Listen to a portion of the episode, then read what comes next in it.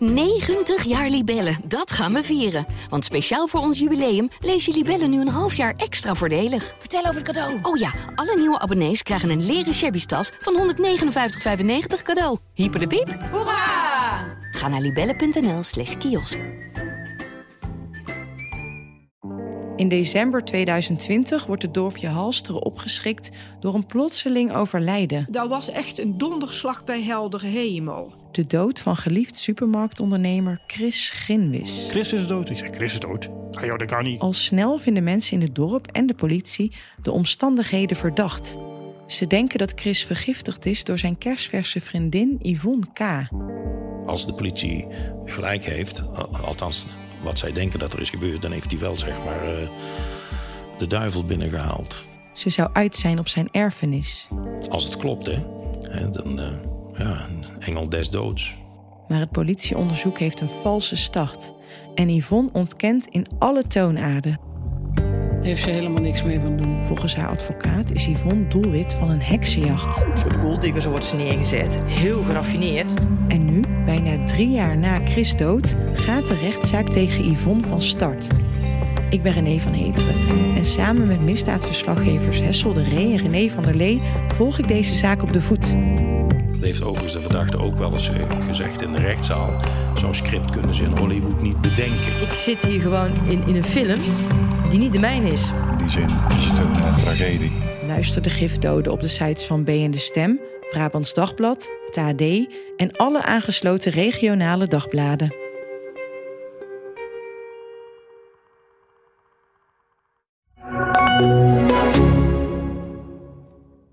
Als ik dus zeg maar zou bankieren met mijn gegevens, zou ik zorgen dat ik dat op een computer doe die op een kabel is aangesloten. Dus ook niet op een wifi-netwerk, want die zijn ook gemakkelijk Dit is inmiddels een historisch stukje televisie. De Brabantse Rian van Rijbroek deed zich bij het respectabele actualiteitenprogramma Nieuwsuur voor als cyber-expert. En wachtwoorden veranderen. En wachtwoorden veranderen en lange wachtwoorden. Maar ze bleek een charlatan. Toch maakte ze na deze uitzending een even opmerkelijke als angstaanjagende carrière. Mijn naam is Angelique Kunst. Al drie jaar publiceer ik over deze Rian van Rijbroek en de geruchtmakende relatie met haar bekendste slachtoffer, zakenman Gerard Sanderink. Hij is niet zomaar iemand. Sanderink is de baas van een van de belangrijkste ICT-bedrijven van Nederland, Centric. Ik schreef over deze affaire het boek Er is er hier maar één de baas. Maar ik zit nog altijd vol vragen over Rian van Rijbroek. Want ze is een vrouw met vele gedaanten. Van fotomodel tot superhacker en van field-specialist tot geheim agent. Maar wie is ze nou echt? En waarom doet ze wat ze doet? En hoe kan ze al die jaren zoveel mensen misleiden? Dit is In de Ban van Rian, een podcast van Tubantia, AD en de regionale dagbladen. Ik eh, gaf al aan dat eh, hackers de beveiligingssystemen aan het testen zijn. Dus dit is een vooraanval van iets groots dat gaat komen. En wat gaat dan komen? We hebben nu recent, de afgelopen dagen, en dat is... eh, Waarover heeft Rian van Rijbroek het eigenlijk bij Nieuwsuur? van een veiligheidsdienst. Eind januari 2018 is er iets heel raars aan de hand in Nederland. De websites van meerdere banken en overheidsdiensten liggen plat door grote DDoS-aanvallen. Een netwerk van computers stuurt gigantische hoeveelheden data naar de servers, waardoor ze uiteindelijk onbereikbaar worden. Cybersecurity-expert Ricky Gevers volgt die aanvallen op de voet. Het was sowieso een, een zeer interessante tijd op dat moment, omdat die DDoS-aanvallen die waren zo groot, dat waren we niet gewend. En alle banken hadden er last van en alle banken gingen ook daadwerkelijk down. Dus er was echt een serieus probleem eh, op dat moment in Nederland. Eh, ik zat heel erg in dat DDoS-wereldje, dat is een, bekend fenomeen. En ik, eh, kon, ik had hele goede inzage in wat daar precies plaatsvond. Dus ik kon heel goed het moment aangeven van nu wordt de Rabobank aangevallen, nu wordt de ING aangevallen. Op 29 januari krijgt hij een belletje van Nieuwsuur. Of hij eventueel die avond in het programma uitleg zou willen geven. En eh, daar heb ik ja op gezegd. En die uitzending was in de avond. En ik was gewoon aan het werk. En gedurende mijn werkdag merkte ik eigenlijk dat ik steeds minder lekker eh, begon eh, te worden. En op een gegeven moment begon ik echt koorts te krijgen. Dus toen heb ik uh, afgezegd. En toen ben ik ook vanuit werk uh, muziek gebeld, zeg maar, en naar huis toe gegaan.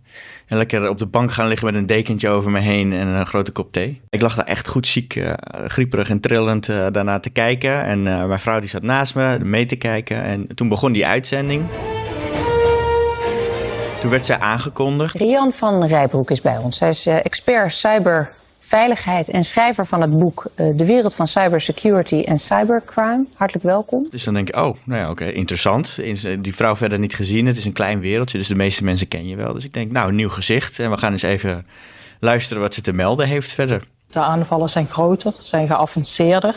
En het lijkt erop alsof iemand de beveiliging van de banken in dit geval, van de Belastingdienst in dit geval aan het testen is. Het begin was volgens mij ook wel goed. En toen op een gegeven moment begonnen de hele vreemde termen die allemaal door elkaar gemixt zijn, uh, vonden daar plaats.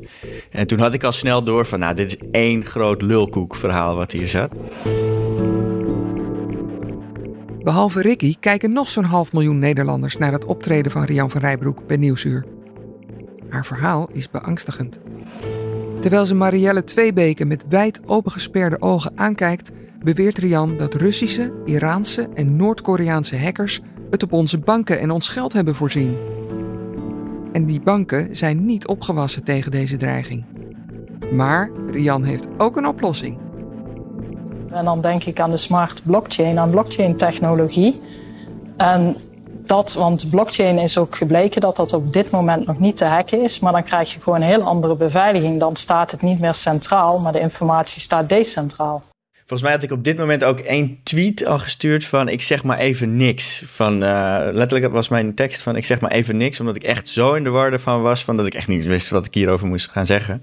En uh, hier was voor mij al heel duidelijk gewoon dat dit compleet ontspoord was. En ja, uh, dit zijn ook weer van die prachtige termen. cyber smart blockchain.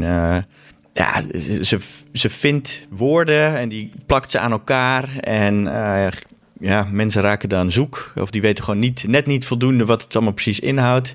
En ja, als je maar genoeg dure woorden gebruikt, dan denken mensen, oh, die heeft er verstand van. En uh, dat zal wel kloppen dan. Dat ik alleen als deskundige doorheb dat zij onzin loopt te vertellen. En mensen die er enigszins ingelezen zijn op het onderwerp, dat überhaupt niet doorhebben. Ja, dat is echt wel een gevaarlijke uh, situatie. Ik had niet verwacht dat het überhaupt had kunnen ontstaan, zoiets. Rookgordijnen optrekken, verwarring zaaien, angst aanjagen. Ricky Gevers, Marielle Tweebeke en de argeloze kijkers weten het op dat moment nog niet, maar dit is een beproefde methode van Rian van Rijbroek. Hier maakt ze al jarenlang slachtoffers mee. En zelfs na dit desastreuze nieuwsuur optreden gaat ze daarmee door. Want een paar maanden na dit debakel ontmoet ze een rijke, machtige zakenman. Deze Gerard Sanderink is eigenaar van meerdere bedrijven. Zo is hij de baas van ICT-onderneming Centric, dat veel voor de Nederlandse overheid werkt. En hij is eigenaar van bouwbedrijf Structon, dat in Nederland groot is geworden met de aanleg van wegen, bruggen en spoorlijnen. Sanderink is diep onder de indruk van Rian. En al heel snel kruipt ze in zijn hoofd en in zijn computer. En daarmee begint de afbraak van het indrukwekkende zakenimperium dat Sanderink eigenhandig heeft opgebouwd. En dat kan grote gevolgen hebben voor de BV Nederland.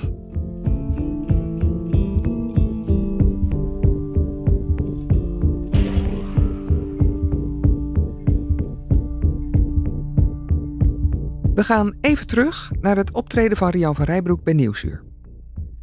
In de uren na de uitzending ontploft Twitter. Iedereen die ook maar iets van cybersecurity afweet, reageert. En Rian wordt met de grond gelijk gemaakt. Niemand in de cyberwereld blijkt haar te kennen en haar beweringen blijken onzinnig.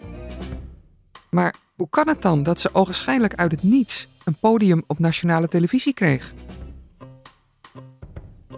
Dat is een belangrijk verhaal. Want hoe ze dit voor elkaar kreeg, is exemplarisch voor de manier waarop ze al jaren te werk gaat. Een reconstructie. Het is december 2017. Een verslaggever van Nieuwsuur krijgt een berichtje van oud-minister Willem Vermeend. Vermeend is op dat moment nog een zwaargewicht in de politiek en in het bedrijfsleven.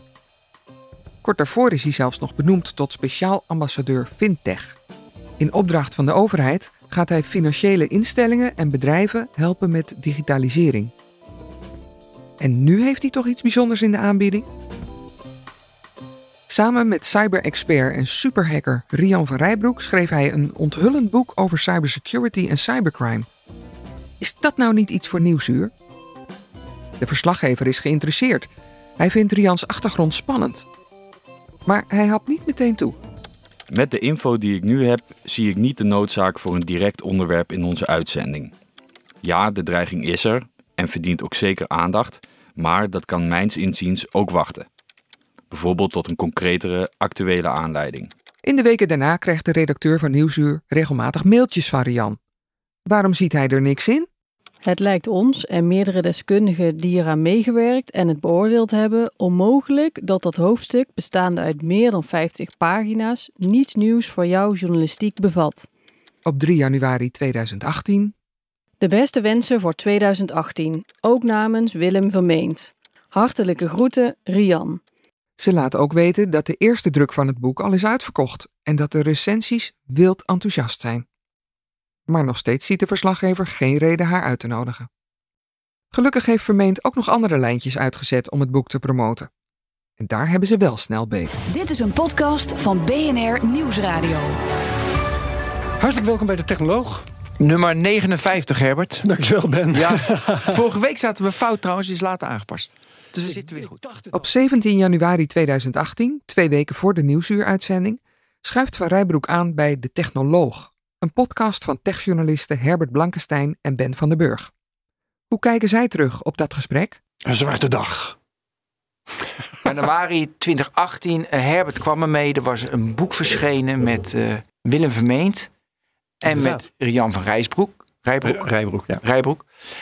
En, ze, en Herbert zei, nou ja, dat is misschien wel interessant. De smart blockchain, dat was het toch? Ja, nou, op dat woord sloeg ik niet aan hoor. Um, het, het, uh, het ging over uh, security. Het was geschreven door een vrouw. Uh, en er waren wat berichten omheen dat deze vrouw gewerkt had voor allerlei geheime diensten. En ik vond het interessant. Omdat Willem Vermeent erbij betrokken was, dat, dat ook. hielp ook. Hè? Ja, zo'n autoriteit. Hij gaat niet met een charlatan in zee. Dat denk je.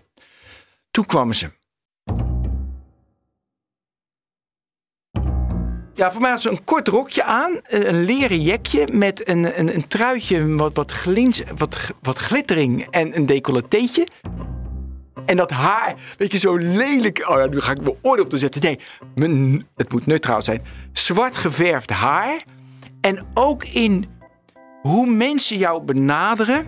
Dat kan op een hele neutrale manier. Op dat kan op een. Ja, dat je altijd een, een seksuele lading voelt. Ja, dat is dus hoe je mensen benadert, wat je zegt, hoe je kijkt. Oogopslag. Oogopslag, ja, ja, ja. kleding.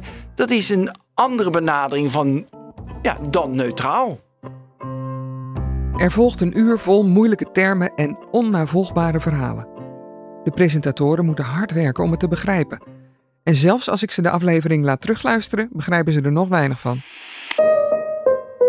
Als, als ik even mag even checken of ik iets, nu iets van begrijp. Begrijp ik goed dat, dat in, in zo'n smart blockchain uh, informatie wordt opgeslagen, bijvoorbeeld een vingerafdruk van alle software die je gebruikt? Is dat ongeveer het idee? Nee, dat is uh, niet het idee. Je moet het iets anders zien. Ja. Jij nog wat te vragen bent? Ja, ik wil heel graag nog een poging doen. Alsjeblieft dat het mag. Leg uit. Kijk, uh, nu is het zo. Vertrouw je al je data toe aan een cloud uh, provider. Mm -hmm. Die gaat er tussenuit. En je zet het zeg maar uh, zelf in een, in een smart block cloud. Als een hacker komt en ik wil hem van één server afhalen... dan moet hij eerst toestemmen. Hé, hey, hey, daar verandert iets. En dat is de. Nee, dat kan niet, want dat moet dat overal zijn. Dus decentraal. Ja, zit ik nog goed? Ja, je zit ongeveer ja, goed. Ja, ongeveer goed. Ja, het is gewoon niet meer te hacken. Je komt er als hacker gewoon niet meer op. Spannend. Heel spannend. Dankjewel. We gaan het zien. Ja. Dankjewel, Rian van Rijbroek. Met het boek Cyber Security en Cybercrime, medegeschreven door Willem van Meet. Dankjewel. Dankjewel. Dit was de Technoloog. Nummer 59. Dank, Herbert. ja. weet, je, weet, je, weet je wat nou zo sterk is hiervan? Elke keer dat wij denken iets, iets te begrijpen en haar zeg maar de kans geven om te zeggen, ja, zo zit het. Zegt ze, nee, is heel anders. En dan gaat ze ons verbeteren.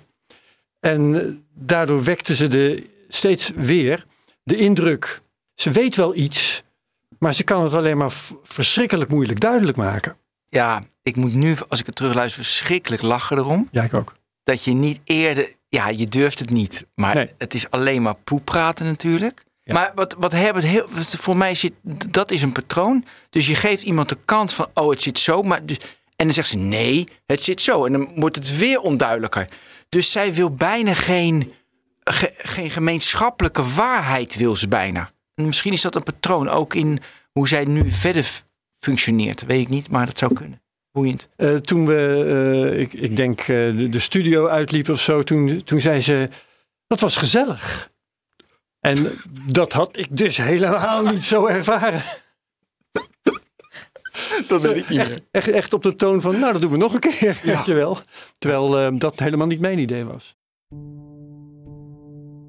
Ben en Herbert weten het niet, maar dit is precies wat andere slachtoffers van Rian ook overkomt. Met heel veel vaktermen, anekdotes en ingewikkelde redeneringen zet ze mensen voortdurend op het verkeerde been. Ben en Herbert zijn experts, maar zelfs zij beginnen aan zichzelf te twijfelen. Maar ze zetten het snel van zich af. Het is voor hun op dat moment gewoon een minder goed gelukte aflevering van hun podcast. Einde verhaal. Maar voor Rian is deze uitzending weer een troef op haar cyber-CV. Een nieuwe aanbeveling die ze inzet op weg naar het hoofdpodium. De studio van Nieuwsuur. Rian blijft de Nieuwsuur-verslaggever bestoken met mails. Op woensdag 24 januari 2018 slaat ze alarm. Er zijn enorme DDoS-aanvallen op komst. Russische, Iraanse en Noord-Koreaanse hackers werken volgens haar samen aan grote digitale aanvallen op onze energienetwerken, luchthavens en de financiële sector. Dank, Rian, mailt de verslaggever terug. En hij vraagt: Sta jij eventueel open voor een interview over deze specifieke dreiging? Ze is er bijna. Maar Nieuwsuur is een actualiteitenrubriek. En die willen een actuele aanleiding om een verhaal te brengen. En die is er nog steeds niet. Maar vlak daarna ineens wel. Na drie banken dit weekend is vandaag ook de Belastingdienst getroffen door een DDoS-aanval. Want in het weekend van 27 en 28 januari worden banken, Belastingdienst en andere instanties ineens platgelegd door de grootste DDoS-aanvallen uit de Nederlandse geschiedenis. Dus op maandag 29 januari mailt de verslaggever Arian. Hi Rian, ik ben een flink eind op weg in jullie boek. Maar nu komt die DDoS-aanval er tussendoor. Heb jij nog informatie over de oorsprong of de motieven achter die aanval? We zijn er voor de uitzending van vandaag mee bezig. Vandaar. En zij antwoordt: Hoi, deze aanval had ik in het interview met BNR al voorspeld. Zowel de aanval op ING als ABN Amro is op dezelfde wijze gebeurd. De buit is binnen. Ze mag op tv. Zorgvuldig kiest ze haar outfit. Een zijden bomberjack uit de voorjaarscollectie van Versace. Peperdure Bulgari-oorbellen, die ze altijd draagt als ze indruk wil maken. Sexy kort rokje, naadkousen, hoge hakken. Om acht uur die avond wordt ze met een taxi thuis in het Brabantse Veghel opgehaald en naar de studio in Hilversum gereden. Als ze de studio binnenloopt, kijken de aanwezige redacteuren verbijsterd naar haar verschijning. Dit type hacker hebben ze nog nooit gezien. Maar de verslaggever die haar heeft binnengehaald, wuift hun zorgen weg. Dit is echt niet zomaar iemand. Hij heeft haar verhaal voorgelegd aan een expert. En hé, hey, ze heeft een boek geschreven met Willem Vermeend. Het interview gaat van start. Marielle Tweebeke vraagt Rian wie er volgens haar achter deze DDoS-aanvallen zitten. Daar, ja, je kunt nooit uh, met zekerheid zeggen wie daarachter zit. Maar je zag dat er codes bij banken binnen zaten, Russische en Iraanse codes. En Noord-Korea. Dus er wordt gedacht aan hackersgroepen uit, uit die drie landen. Voor Ricky Gevers, weet je nog, de cyber-expert die daar eigenlijk in de studio had moeten zitten, was dit het definitieve afhaakmoment. Dit, dit is heel duidelijk van je kan namelijk niet codes uit drie verschillende landen die dan blijkbaar samenspannen om een aanval op de banken uit te voeren. Dat werkt niet. En wat, wat ik al heel duidelijk eigenlijk merkte aan hoe, hoe deze mevrouw verder praat, is dat zij heeft zich heel goed ingelezen. Dus zij heeft heel veel stukken gelezen, heel veel uh, teksten gelezen. En dat copy-paste hier naartoe. En Iran, Noord-Korea en, en, Rusland zijn de grote actoren eigenlijk die veel kwaad in, in de cyberwereld uh, doen. Maar die werken nooit samen. Of, als ze al samenwerken, heel beperkt. En het is zeker niet bij een DDoS-aanval dat je dan codes van die drie landen toevallig ook nog eens vindt. Dus dit geeft voor mij al heel duidelijk aan dat ze dingen gelezen heeft die ze inderdaad copy-paste, maar niet begrijpt hoe dat in elkaar, hoe daadwerkelijk in elkaar steekt. Een totaal onwaarschijnlijke theorie dus, vindt ook Huip Modderkolk, onderzoeksjournalist van de Volkskrant. Hij was in die tijd ook op zoek naar de bron van de DDoS-aanvallen. Nou, het zal al een wonderlijke afstemming vergen tussen deze landen die volgens mij uh, niet dit dagelijks uh, bespreken. Laat staan dat ze dan denken dat ze uh, Nederlandse banken moeten hebben. dit is een, ja, een bijeengeraapt soortje informatie. Um, en dat, dat is hoogst onwaarschijnlijk. Dus het is wel opmerkelijk dat zij kon voorspellen dat er grote DDoS-aanvallen aan zaten te komen. Ja, want die zijn er niet elke, elke dag. Nee, dus dat is zeker opvallend, ja. Het is een constatering die lang bij mij blijft hangen. Als Rian geen verstand van zaken heeft, hoe kon ze die aanvallen dan toch zo nauwkeurig voorspellen? Je zou bijna gaan denken dat ze er zelf de hand in heeft gehad. Maar dat lijkt onwaarschijnlijk, want we weten inmiddels wie de dader was. Een paar dagen na de nieuwsuuruitzending arresteerde de politie namelijk de 17-jarige Jelle S. uit Oosterhout. Een wat neurderige scholier met grote belangstelling voor ICT. Zowel Ricky als Huip waren hem al op het spoor. Nee, ik kreeg van iemand een uh, hint over wie dat was. En toen uh, ben ik met hem in contact gekomen via mail. Uh, ik wil natuurlijk bewijs hebben dat hij dat echt was. Want ja, iedereen kan dat wel zeggen. En toen waren we hier bij de Volkskrant. En toen ging op een gegeven moment viel het hele internet uit. En toen, nou, dat duurde echt, nou, iedereen een beetje gefrustreerd daar zo staan. En ik dacht, nee, ik, eerst had ik het niet door. Toen dacht ik, oh shit, dat is natuurlijk, hij doet dat. en um, toen, uh, na een paar minuten deed hij het weer. Dus toen vroeg ik, wat, wat, was jij dat? Ja, ja, zo simpel is het. Je wilde toch bewijs? Dus het was definitief geen samenwerking van hackers uit Rusland, Iran en Noord-Korea. Marianne blijft dat stug volhouden, ook na de arrestatie van Jelle. Luister naar wat ze daar een jaar later over zegt in een telefoongesprek met Willem Vermeend. Ja, maar ken jij dat jongetje die daarachter zit? Want dat jongetje die wordt dan toch ook onterecht beschuldigd. Want door de politie is het nooit bevestigd. Maar in de media wordt zijn naam toch ook door het slijk gehaald. Ik heb de naam niet gezien. Ik dacht zijn naam wel bekend was. Hè? Kun je die eens niet achterhalen? Want ik wil het vragen, maar ik, volgens mij is die naam onbekend. Ja, want het is natuurlijk bizar dat zo'n jongen dan gebruikt wordt, terwijl de jongen het niet gedaan heeft. Het, het was een onwaarschijnlijk verhaal, laat ik maar zo zeggen. Ja, dat prikt toch iedereen doorheen. Interessant. Een week na Rians optreden bij Nieuwsuur is van haar reputatie niets meer over. Er ontstond daarna wel heel snel een dynamiek van uh, dit, wat zegt, wat zegt die vrouw eigenlijk allemaal? Um, en toen zijn meerdere mensen, ik weet niet of ik dat, misschien ik ook wel, weet ik niet, maar zijn die uitzending nog eens gaan bekijken. En we gaan kijken, ja, maar wat zegt zij nou eigenlijk? En, en toen werd natuurlijk, toen is er ook breder, is breder gekeken van, ja, toen bleek die vrouw ook nog een boek te hebben op dit thema.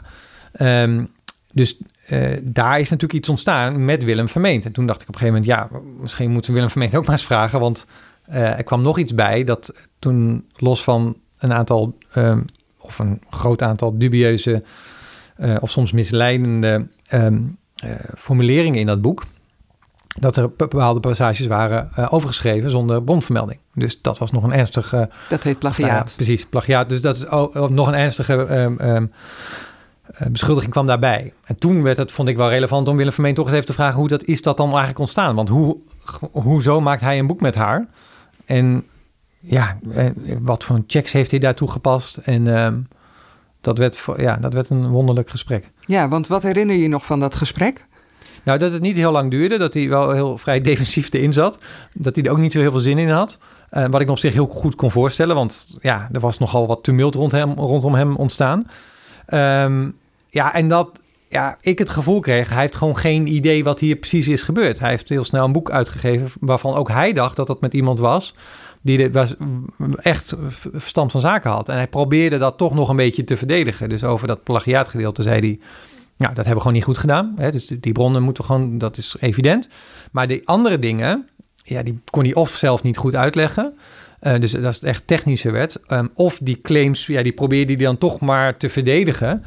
Um, um, ja, in een poging zijn, zijn, zijn reputatie of zijn boek te redden. Was jij daar verbaasd over? Want hij vertelt op een gegeven moment aan jou... Jij vraagt hem van... Uh, zij beweert dat ze voor inlichtingendiensten heeft gewerkt. Heeft u dat gecheckt? En dan zegt hij van nee, ja, ze heeft het me verteld. En ik had geen reden om aan te nemen dat ze daarover loog.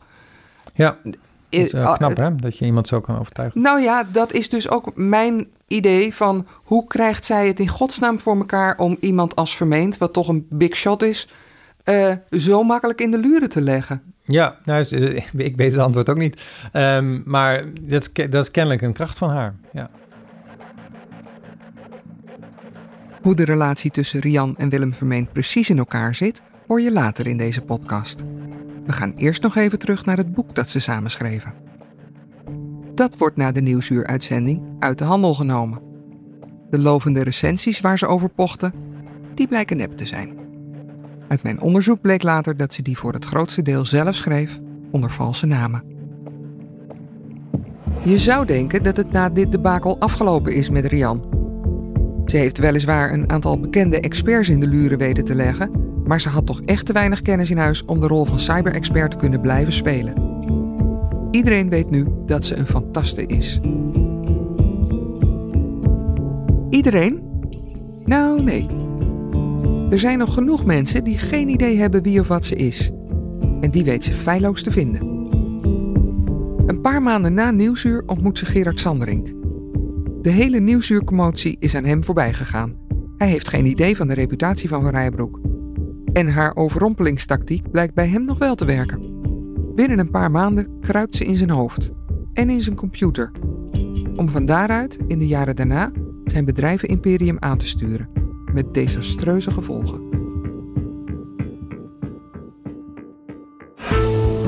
In de volgende afleveringen duik ik in Rians leven. Ik ontdek dat ze op de middelbare school een lelijk eentje was. En dat ze er in de jaren daarna alles aan deed om gezien te worden. Maar op weg naar erkenning liet ze een spoor van vernieling achter. Mijn naam is Angelique Kunst en ik maak deze podcast samen met René van Heteren. Eindredactie deed Kevin Goes. Muziek en mixage is van Art Kok. Ook dank aan Elke van Boksmeer en Daan Hofstee. Alle afleveringen verschijnen op tubantia.nl, ad.nl slash podcast en de sites van de regionale dagbladen.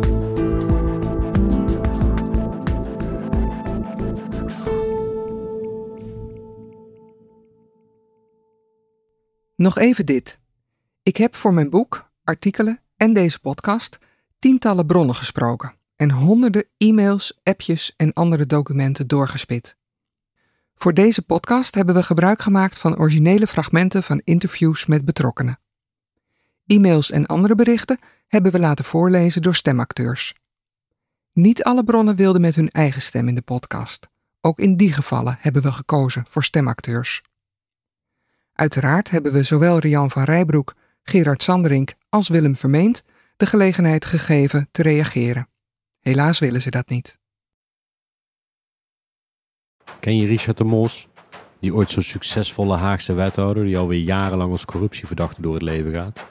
Binnenkort begint de rechtszaak. De media spreekt over de grootste corruptiezaak die Nederland ooit gekend heeft. In de podcastserie OO de Mos onderzoek ik, Niels Klaassen, de methode de Mos. Dan haalt hij het op en dan zeggen ze cliëntisme. Ja, wat moet hij dan? Wat moet hij dan? Ik sprak aanhangers, critici, de Mos zelf en probeer antwoord te geven op de vraag welke belangen hij nu werkelijk dient. Netwerkcorruptie.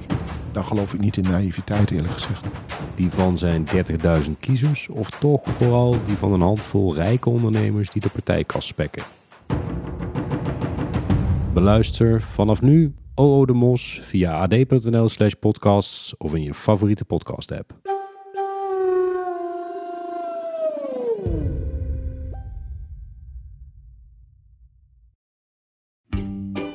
...90 jaar Libellen, dat gaan we vieren. Want speciaal voor ons jubileum lees je Libellen nu een half jaar extra voordelig. Vertel over het cadeau. Oh ja, alle nieuwe abonnees krijgen een leren shabby tas van 159,95 cadeau. Hyper de piep. Hoera! Ga naar libellen.nl slash kiosk.